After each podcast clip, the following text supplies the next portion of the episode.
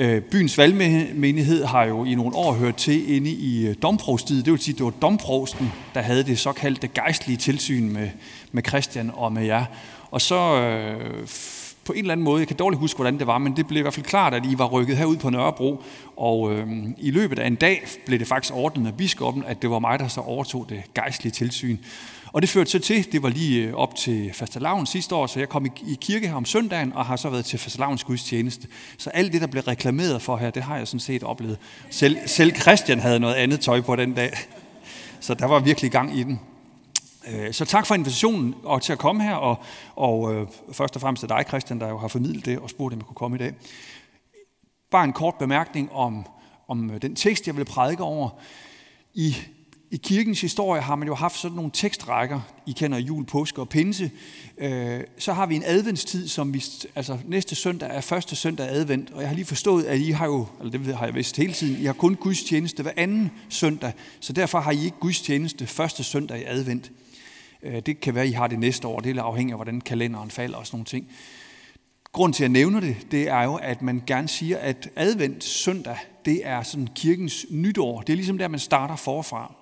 Det betyder, at dagen i dag, det er sidste søndag i kirkeåret. Og sådan har det været helt tilbage til Oldkirken, hvor man netop på den her søndag, søndagen inden adventstiden, som er en bodestid, der har man så hørt en særlig tekst, nemlig verdensdommen fra Matteus evangeliet kapitel 25.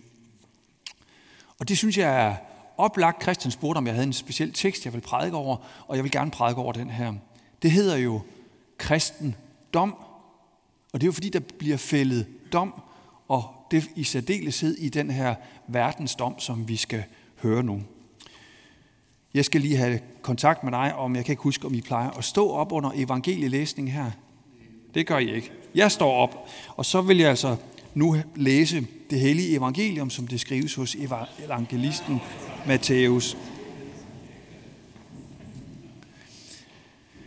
Jesus sagde, når menneskesønnen kommer i sin herlighed, og alle englene med ham, der skal han tage sæde på sin herlighedstrone. Og alle folkeslagene skal samles foran ham, og han skal skille dem, som en hyrde skiller forerne fra bukkene. Forerne skal han stille ved sin højre side, og bukkene ved sin venstre.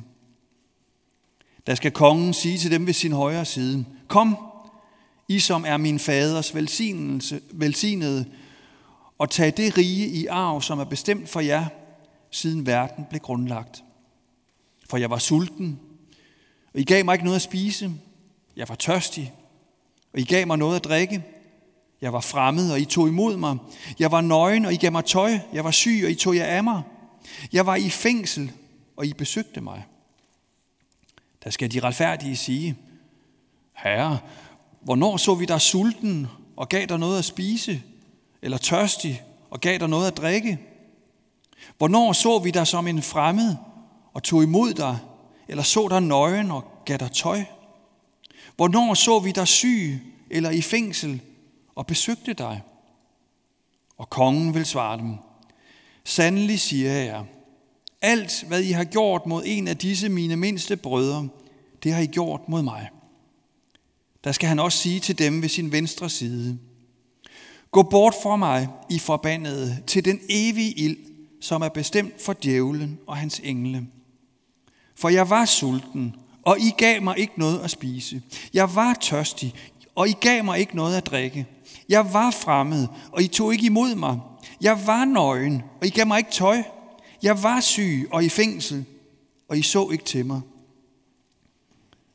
Der skal de også sige til ham, Herre, Hvornår så vi dig sulten, eller tørstig, eller fremmed, eller nøgen, eller syg, eller i fængsel, uden at vi hjalp dig? Der skal han svare dem. Sandelig siger jeg, jer, alt hvad I ikke har gjort mod en af disse mindste, det har I heller ikke gjort mod mig. Og de skal gå bort til evig straf, men de retfærdige til evigt liv. I Jesu navn. Amen.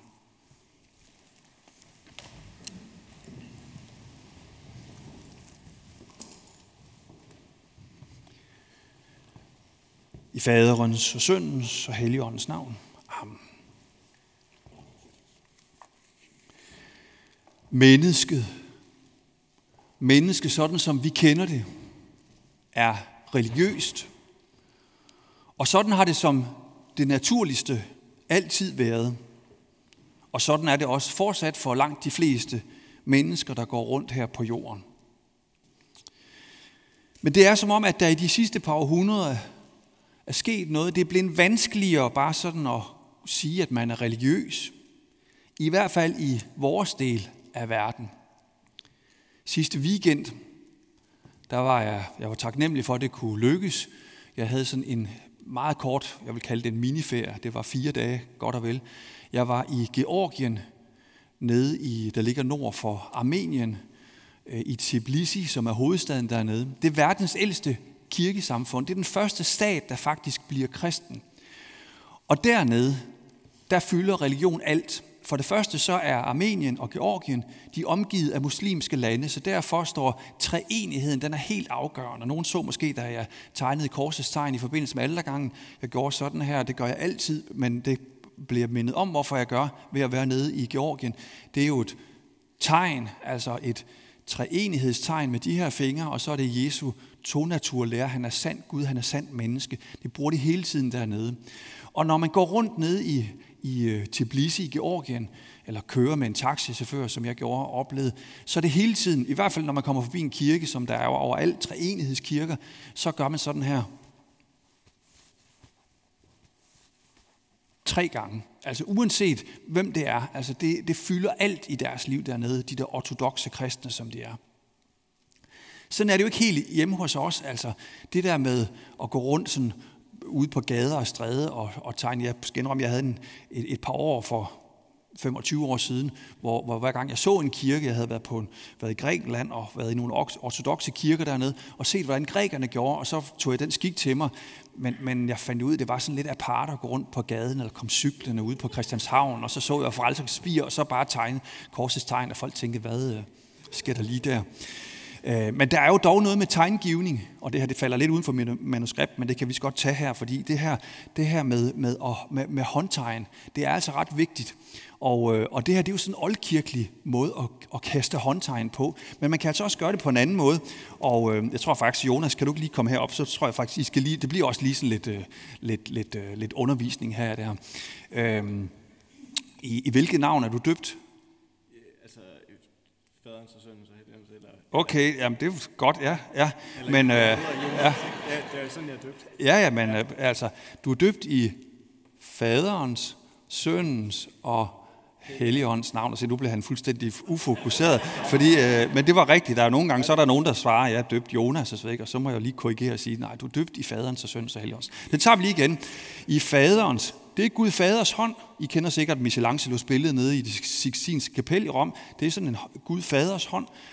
I søndens, jo bro, sådan hilser man i Sydamerika på hinanden, altså som på en bror.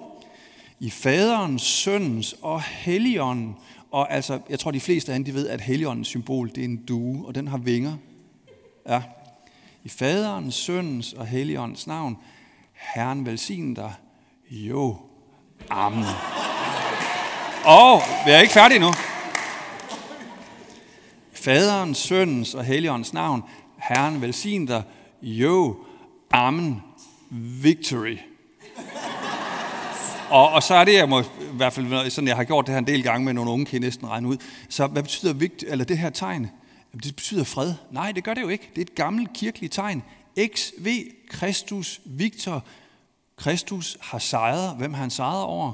Nu skal du ikke øh, her, men han har sejret over døden. Så derfor slutter man med et V-tegn for sejr. Kristus har sejret. Tak, Jonas. Det, øh, hvis, øh, hvis Christian vil til at indføre hånd, og kaste håndtegn her i gudstjeneste, så har det min øh, tilladelse i hvert fald. Så, øh, men det her med at være religiøs, nu vil jeg godt komme tilbage til min manuskript, det her med at være religiøs, det er altså sådan noget, der er ret svært at, at, at, at være i, i Danmark, her i vores lille smørhul. Der skal man altså ikke sådan gå rundt om at, at være alt for religiøs, det bryder folk så ikke øh, om. Og øh, hvis man så er religiøs, det er der jo nogen, der er, så skal man i hvert fald ikke skilte for meget med det. Og den form for religiøsitet, som vi danskere sådan bedst kan leve med, det er sådan den mere værtslige form, som findes for eksempel i fodboldkulturen, hvor der både er fælles sang, Der er masser af ritualer og ikke mindst persondyrkelse. Men for mange danskere, så bliver det for meget, når for eksempel tidligere ryger ikke tåler, at naboen ryger udendørs. Og det kalder vi så med god grund for, at man er blevet religiøs antiryger. Eller når sundhedsapostle kun spiser råkost, raw food, og prøver at overvise andre om at Øh, lad være med at drikke mælk og spise flæskesteg. Øh, for hvis man gør det, ja, så får man et, øh, et helt nyt liv. Altså øh, omvendt kan man også godt kalde en, en mand, der kun vil spise den mad, som han selv har marineret og tilberedt på sin egen gasopvarmede Weber-grill. Ja, sådan en mand vil jeg også godt kalde for religiøs. Det er der i hvert fald mange, der gør, når man bliver fanatisk. Fordi det er faktisk det, at danskerne har det svært med, det er, når folk bliver fanatiske. Og det er uanset om det så gælder en almindelig værstlig livsstil, eller fordi man er religiøs sådan i mere klassisk forstand, som jeg jo for eksempel oplevede de der øh, georgier, der slog korsets tegn tre gange for sig. Altså, når man er klassisk religiøs, det vil jeg sige, det er jo det, at man tror på noget, der er større end en selv, og lægger sit liv til rette efter det, altså at der følger en etik med til det, man tror på. Og alligevel, så blev jeg overrasket, da en af mine konfirmander for nogen tid siden betegnede religion som noget ondt. Få dage forinden, der havde vi været vidne til endnu et af de forfærdelige terrorangreb med død og lemlæstelse til følge. Og derfor er der også en vis logik i, at sådan en ung konfirmand kan opfatte religion som noget ondt. For når man i en Guds navn kan finde på ikke bare at aflive anderledes tænkende og troende, men ligefrem tage sit eget liv med et selvmordsbælte, øh, udelukkende for at dræbe så mange som muligt, ja, så vil jeg faktisk godt gå med på konfirmandens præmisser og kalde det for religiøs ondskab. Spørgsmålet er så bare, hvad er det for en Gud, man bekender sig til? Og jeg kan ikke se andet end, at disse fanatiske galninge, de har gjort sig selv til guder, når de sådan vil gøre sig til herre over liv og død, og ikke mindst andres liv og død. Altså, de har gjort sig selv til en selvbestaltet Gud, der uden nogen noget udstøder dødsdomme over andre. Og hele det her scenarie, det bliver så sat i voldsom relief i dag, hvor vi netop har hørt evangeliet om Jesus, hvor han fælder dom ved at skille forerne fra bukkene. Dommen er meget klar, for forerne, der står på den højre side, de kommer i himlen, og bukkene, der står på den venstre side, de skal ned hvor, i helvede, hvor der er skruet op for varmen. Og umiddelbart er det også meget klart, hvad der er udslagsgivende for, om man havner i himlen med evigt liv, eller i helvede med evig straf. Det, der er udslagsgivende, det er, hvordan man har handlet mod sine medmennesker, og først og fremmest mod de små medmennesker, og det vil sige dem, der i mindre grad end os voksne kan klare sig selv. Det giver sig selv, at et spædbarn skal have hjælp for at kunne klare sig. Også mange af dem, der er i kirken i dag og nu gået op i børnekirken. Et spædbarn kan ikke skaffe føden til sig selv, og kan heller ikke skifte tøj på sig selv. Der er, der er behov for hjælp. Og hvis man som forældre er sig sin opgave bevidst, så vil man også vide, at et barn har brug for åndelig hjælp. Og sørger derfor det er i hvert fald det, jeg tror på, er det mest gavnlige og den største hjælp, sørger for at få barnet døbt, så det bliver et Guds barn, og får Gud til far og Jesus som bror og Helligånden, så sørger for, at kærligheden bliver installeret dybt inde i hjertet, så det kan vokse i takt med, at barnet også vokser. Men det er jo ikke kun spædbørn, der har brug for hjælp. Alle dem, hvad med alle dem, der sulter, alle dem, vi hører Jesus liste op, alle dem, der er tørstige, alle dem, der er hjemløse, alle dem, der mangler tøj, er syge og sidder i fængsel, de har også brug for hjælp. Og det er så opgaven for os hver især. For beskeden fra Jesus er klar. Alt, hvad vi har gjort mod en af disse små, har vi også gjort mod Jesus. Og det kan jo nok få en og anden til at spekulere på, om man nu også har gjort nok. Når vi hører, at de velsignede skal skilles fra de forbandede, at forerne skal skilles fra bukkene, og ikke mindst med udsigt til evig pine, ja, så kunne det jo nok få en og anden til at overveje at begynde at gå med blæ igen. Ja, undskyld mig udtrykket. Omvendt, så kunne det jo også få nogen til at rejse øjeblikkeligt og fare ud af kirken her og begynde at hjælpe gamle damer over vejen ned på Nørrebrogade og dele varm kaffe ud op på Blågårds plads eller i Folkets Park eller på Dronning Louises Bro. For det handler vel om så at få indhentet det forsømte, hvis man nu ikke synes, man har fået gjort nok, når vi så tydeligt hører det i dag, at vi skal dømmes på vores gerninger. Vi skal dømmes på vores gerninger. Men så er der en særlig, ja med sådan et, et fremmed ord, dialektik på spil. Altså der er sådan en bevægelse i teksten i dag, som vi er nødt til at, at, at forholde os til. Der er en, en bevægelse, en dialektik i evangeliet, som man simpelthen ikke kommer udenom. Og det er, at de velsignede faktisk ikke ved, at de har handlet godt.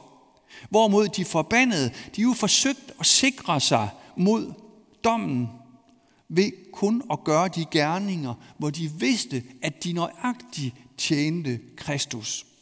De har været særdeles udspekuleret og kalkulerende, og derfor jo prøvet at sikre deres egen bagdel. De forbandede har altså været nøje kalkulerende, beregnende og udelukkende gjort det for egen vindings skyld, for at få en fordel frem for de andre. Desværre, fordi de har været så selvoptaget, har de jo ikke haft blik for det væsentlige. De har ikke haft blik for det andet menneske, som er skabt i Guds billede, som står lige foran dem, men har kun haft sig selv for øje i det, der er blevet gjort ved at tjene sig selv, i stedet for at tjene sin næste. Og det var også derfor, det var mig, der, det kan jeg godt afsløre nu, det var mig, der har spurgt, om vi kunne synge den her nye salme, som jeg, har været, som jeg er en af mine yndlingssalmer. Du skal elske din næste som dig selv. Det er det helt afgørende. Og nu har I sådan set allerede fået pointen. Det ved I godt i forvejen, tror jeg, øh, jer der kommer her. Det afgørende, det er, at de velsignede, de har ikke været vidne om, at de har gjort det for Kristus.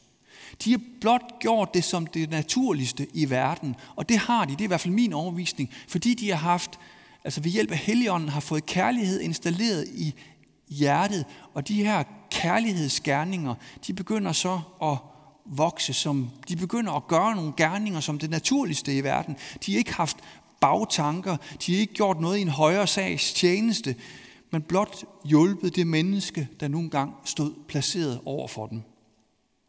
Og netop ved at hjælpe på denne uennyttige måde, ja, så vil jeg være så grov og, kan, og sige, jamen alt det, man så har gjort, som selvfølgelig godt kan betegnes som kærlighedens gerninger, det har ikke været religiøse gerninger. Nej, det har været Kristus gerninger. Det har været Kristus gerninger, fordi Kristus med Helligånden sætter den her bevægelse i gang. Og ved ikke hele tiden at skulle være optaget af sin egen frelse, for det er jo egentlig det, som de kalkulerede har været, det er, hvordan kan jeg nu sikre mig, at jeg kommer i himlen? Ved ikke at være optaget af det, og måske oven i købet, det var nogen af de der islamister, altså de er optaget af deres egen frelse, og tror, de fremmer den ved at spænde et selvmordsbælte rundt omkring maven, eller tage en kalasnikov, eller måske bare, som sagt, måske lidt mere jordnær, hele tiden er på udkig, hvem kan man, hvem kan man jeg kan holde øje med, hvem kan jeg hjælpe her for, at jeg kan opnå frelse. Det er at være religiøs. Hvis man sætter det til side, hvis man lægger det til side, ja, altså alt det her religiøse, så bliver der også plads og tid, plads og tid til at høre budskabet om, at alle de religiøse anstrengelser, ja, de er forkerte, de er kørt af sporet, de er forfejlede. Men hvorfor det? Altså, nu sidder nogen nok og tænker, hvor, altså, hvad, hvad er nu det for noget? Men det er det jo, fordi Guds søn, Jesus Kristus, en gang for alle har givet sig hen i den uennyttige levemåde, der medførte, at han tog al vores skyld, al vores religiøsitet, al den ondskab, der er i verden, den tog han med op på korset, hvor den blev korsfæstet. Og det gjorde han jo for at sætte os fri af alt det, der binder os. Og en lille ting uden for manuskriptet. Ordet religion, det er der mange, der har forsket i. Hvor kommer det fra? Det er latin, og det kan sådan gå i to spor, hvis man kigger på det sådan noget sproghistorisk. Og det betyder først og fremmest det, at man er bundet til noget. Det er selvfølgelig også derfor, at man i kristendommen har taget ordet til sig, og det er jo et, så at sige, et, et kristent ord. Men det, der er afgørende i kristendommen, det er jo, at vi skal, det, ikke, det kommer ikke an på vores måde at prøve at kalkulere, binde os frem og holde udkig, hvor kan vi gøre bedst gavn. Nej, det starter med, at Kristus kommer os i møde og kommer med et budskab om, at han har gjort alt for os og har gjort det af ren nåde. Ingen har formuleret det flottere, efter min overbevisning, end vores store national profet, vil jeg næsten kalde ham, Grundtvig. Ham, som jeg tænker, nogle af os øh, kender, om ikke andet så som opfinderen af valgmenigheder, og dermed fik muliggjort byens valgmenighed også kan være i folkekirken. Men Grundtvig, han var jo også en stor teologisk tænker, han var alt muligt andet også. Han var en stor teologisk tænker, og han fik tanken om dommedag sat på vers i en salme. Nogle af jer måske kender det, kan være, I synger den en gang imellem også her. Rejs op dit hoved, al kristenhed, hvor det hedder i det centrale vers for mig. Ej mere du gruer for dommedag. Du ved, din dommer har ført din sag, og fra sig selv den vundet. Det tager jeg igen, for det er det faktisk det vigtigste. Ej mere du gruer for din dommedag. Du ved, din dommer har ført din sag, og fra sig selv den vundet. Det smer du længes hvert morgen gry, til Herren dages på rosens sky, når nat er helt udrundet. Det betyder ganske enkelt, grundvis flotte poetiske ord her, det betyder ganske enkelt, at vi på trods af alt og i kraft af troen er fundet frie og har fået, i forlængelse af det, har fået pligten til at leve uden at gøre det på bekostning af andre. Det er at have blik for det væsentlige, uden at beregne, om det så kan betale sig. Så ro på, tro på. Jesus K. står og banker på.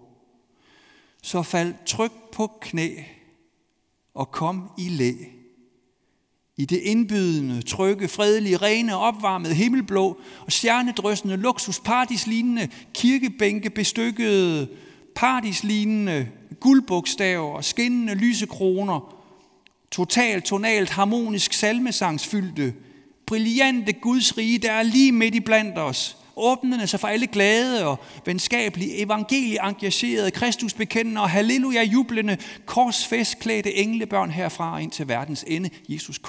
Ærlighed. Jesus K. er kærlighed. Jesus Kristus er Herren i Jesu navn. Amen. Og lov takker I ved, hvad der er Gud, far, søn og helligånd, du som mig er, bliver så en sand træn i Gud højlod første begyndelse nu og i evighed. Amen. Og lad os sammen bede.